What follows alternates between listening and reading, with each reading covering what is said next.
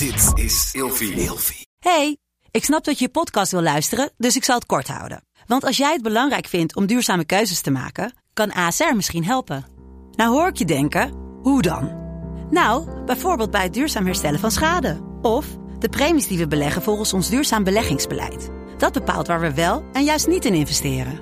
Wil je meer weten over welke duurzame keuzes ASR maakt? Ga dan naar asr.nl slash duurzame keuzes. ASR doet het.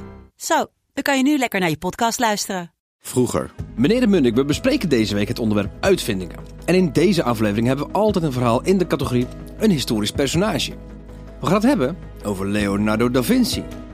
Leonardo da Vinci, de bekende architect, uitvinder, ingenieur, filosoof, natuurkundige, scheikundige, anatomist, beeldhouwer, schrijver. veel, hè? Weet je wat allemaal niet? Die man die deed alles. Componist. Alleskunner, de homo universalis, ook wel een genie.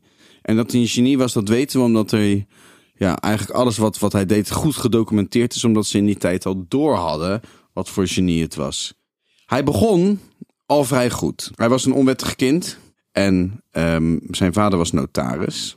Dus hij kon zijn zoon wel een goede opvoeding geven. Maar hij mocht niet echt erkend worden, toch? Nee, hij kon dus geen klassieke studie volgen, omdat hij een bastaardkind was.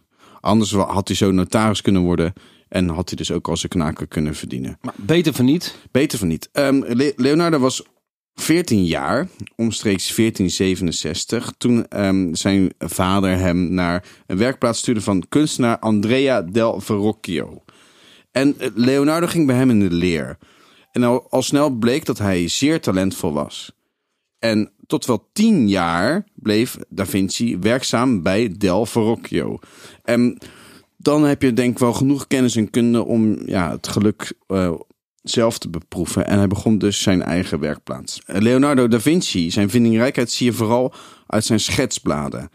Hij beschreef en tekende allerlei wapentechnische constructies, zoals stormladders, muurbrekers, kanonnen, de eerste tank. Maar hoe kan een architect nou de Mona Lisa schilderen? Ik begrijp niet dat je dat beide heel goed kunt. Ja, nou ja, hij heeft dus heel veel studies ook gedaan naar het menselijk lichaam. En hij vond het dus heel interessant om dingen zo echt mogelijk weer te geven. Dus ook de anatomie. En bij de Mona Lisa is het natuurlijk zo dat als je vanuit... eh, ik weet niet of je de Mona Lisa wel eens hebt gezien. Het is eigenlijk een heel klein eh, schilderijtje. Ja, ik heb die film met Tom Hanks gezien. Oh, echt, ja. Nou, ik, ik zelf moet altijd staan springen eh, bij die mensenmassa voordat ik het schilderijtje kan zien. Maar ze kijken je natuurlijk vanuit alle hoeken aan. Ze is zo geschilderd dat ze een mysterieuze lach heeft. En dat ze je dus een soort van aanstaat te gluren. Eh, ik krijg er altijd wel een beetje kippenvel van. En het laatste avondmaal is ook van hem, toch? Het laatste avondmaal is ook van hem. En daarin ehm, wordt vaak natuurlijk gezegd dat er een soort bepaalde symboliek in schuil gaat. En dat zie je in eh, de Da Vinci Code bijvoorbeeld, komt dat terug. Dat is die film. Ja, zeker. Leonardo da Vinci die werkte natuurlijk in, in zijn tijd met vele andere grote grootheden uit de renaissance. Zoals Donatello en Raphaël en Michelangelo. En ehm, soms moesten ze ook concurreren met elkaar. En ze mochten elkaar dus totaal niet. Het is bekend dat Michelangelo en Leonardo da Vinci elkaar totaal niet konden uitstaan.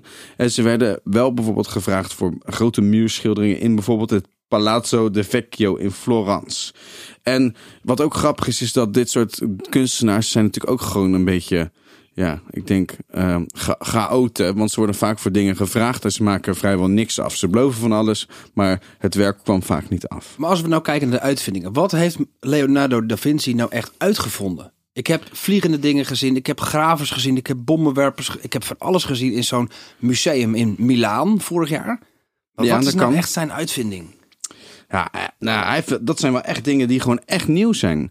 Dus je kan misschien wel zeggen dat wat hij heeft uitgevonden is dat je als mens niet beperkt wordt door wat dan ook. En dat je op ieder vlak wel kan excelleren.